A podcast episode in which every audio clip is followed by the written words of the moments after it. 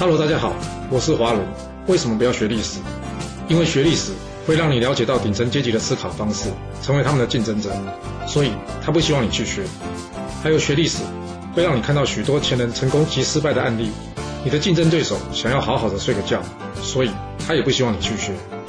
最重要的是，学历史会让你了解人性，你的老板以及同事都希望你保持天真的心，所以他们更不希望你去学。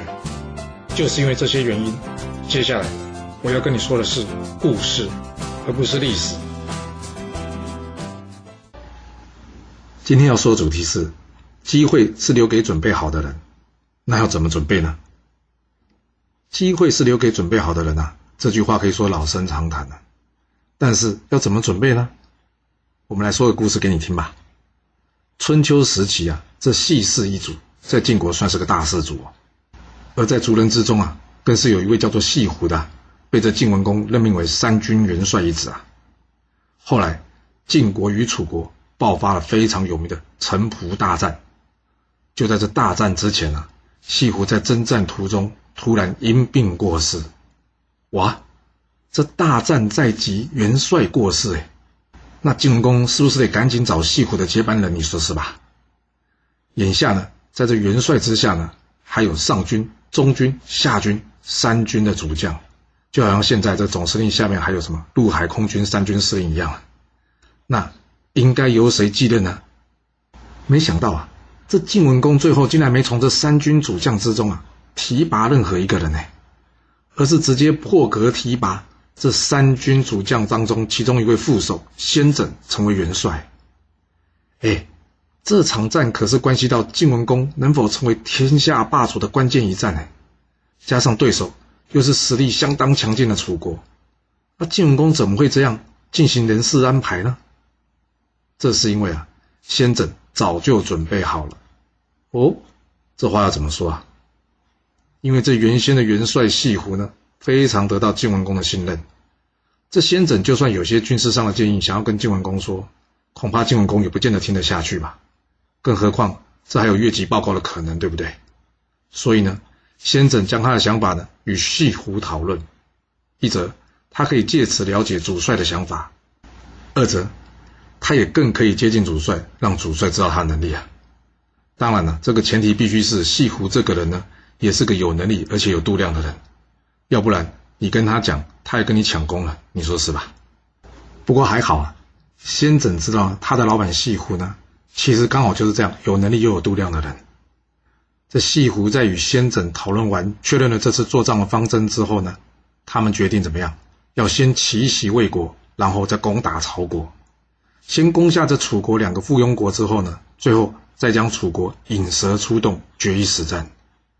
这与晋文公呢原先想要将军队分为两处，分别攻打曹国跟魏国这两个小国的计划并不相同，但。在西湖仔细的向晋文公呢分析他与先轸讨论过的计划之后呢，晋文公决定从善如流，按照这元帅西湖的建议进行了。也就是在这个时候呢，晋文公怎么样？开始注意到哦，这先轸可能有用兵的能力哦，至少他的想法已经得到西湖的认可，不是吗？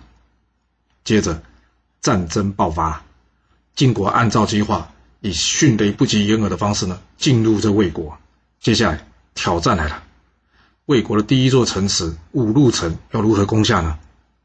晋文公派先轸连同另外一位猛将前往，他告诉先轸啊，要来个闪电突袭，将对方杀个措手不及，目标用最短的时间攻下这五路城。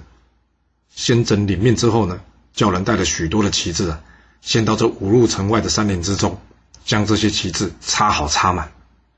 一同随行的将军呢？不明就里的问这先轸：“哎，主公不是要我们突袭五路城吗？你怎么将这旗帜插得满山满谷啊？这样五路城的守军不就知道我们来了吗？这样怎么突袭啊？”先轸笑着说：“这魏国呢，战力薄弱，若是我们以这样少量军队展开攻击，对方可能会拼死防守。现在呢，我将这旗帜插得满山满谷了，魏国守将一看到呢，就会知道我晋国大军已经深入魏国国境了，在数量上。”他们绝对无法与我们一战的，所以我判断了，等我把这旗帜插完之后呢，我们再领兵冲出去，这五路城的军民呢，恐怕会因为害怕早就逃走，变成一座空城了。那你说，我们这样有没有拿下五路城呢？算不算是完成图解呢？最重要的是啊，我们可以几乎不费一兵一卒啊，甚至是用最短时间攻下这五路城。你说这样好不好呢？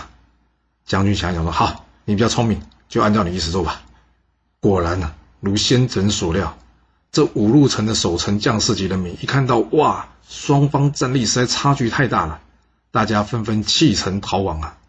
而这先轸呢，就这样兵不血刃的夺下五路城。这一战呢，让晋文公见识到，先轸确实是有用兵的能力啊。所以在西湖过世之后呢，先轸呢以首战居功，什么意思？就第一场呢打赢了，因为这个功劳呢被跳级提拔成为元帅。而他后来呢，也没有辜负晋文公对他的重望啊，在与楚国的城濮大战之时呢，将楚军打个大败。机会是留给准备好的人，就像我们一开始说的，这句话应该算得上是老生常谈，或是陈腔滥调了。但是你会不会觉得很奇怪？有的人呢，就是这么好运，会一直遇上好机会；而有的人呢，却一直都遇不上好机会。我会说啊，这句话对也不对，因为要讲运气啊，它的前提是看他是不是准备好了，不是吗？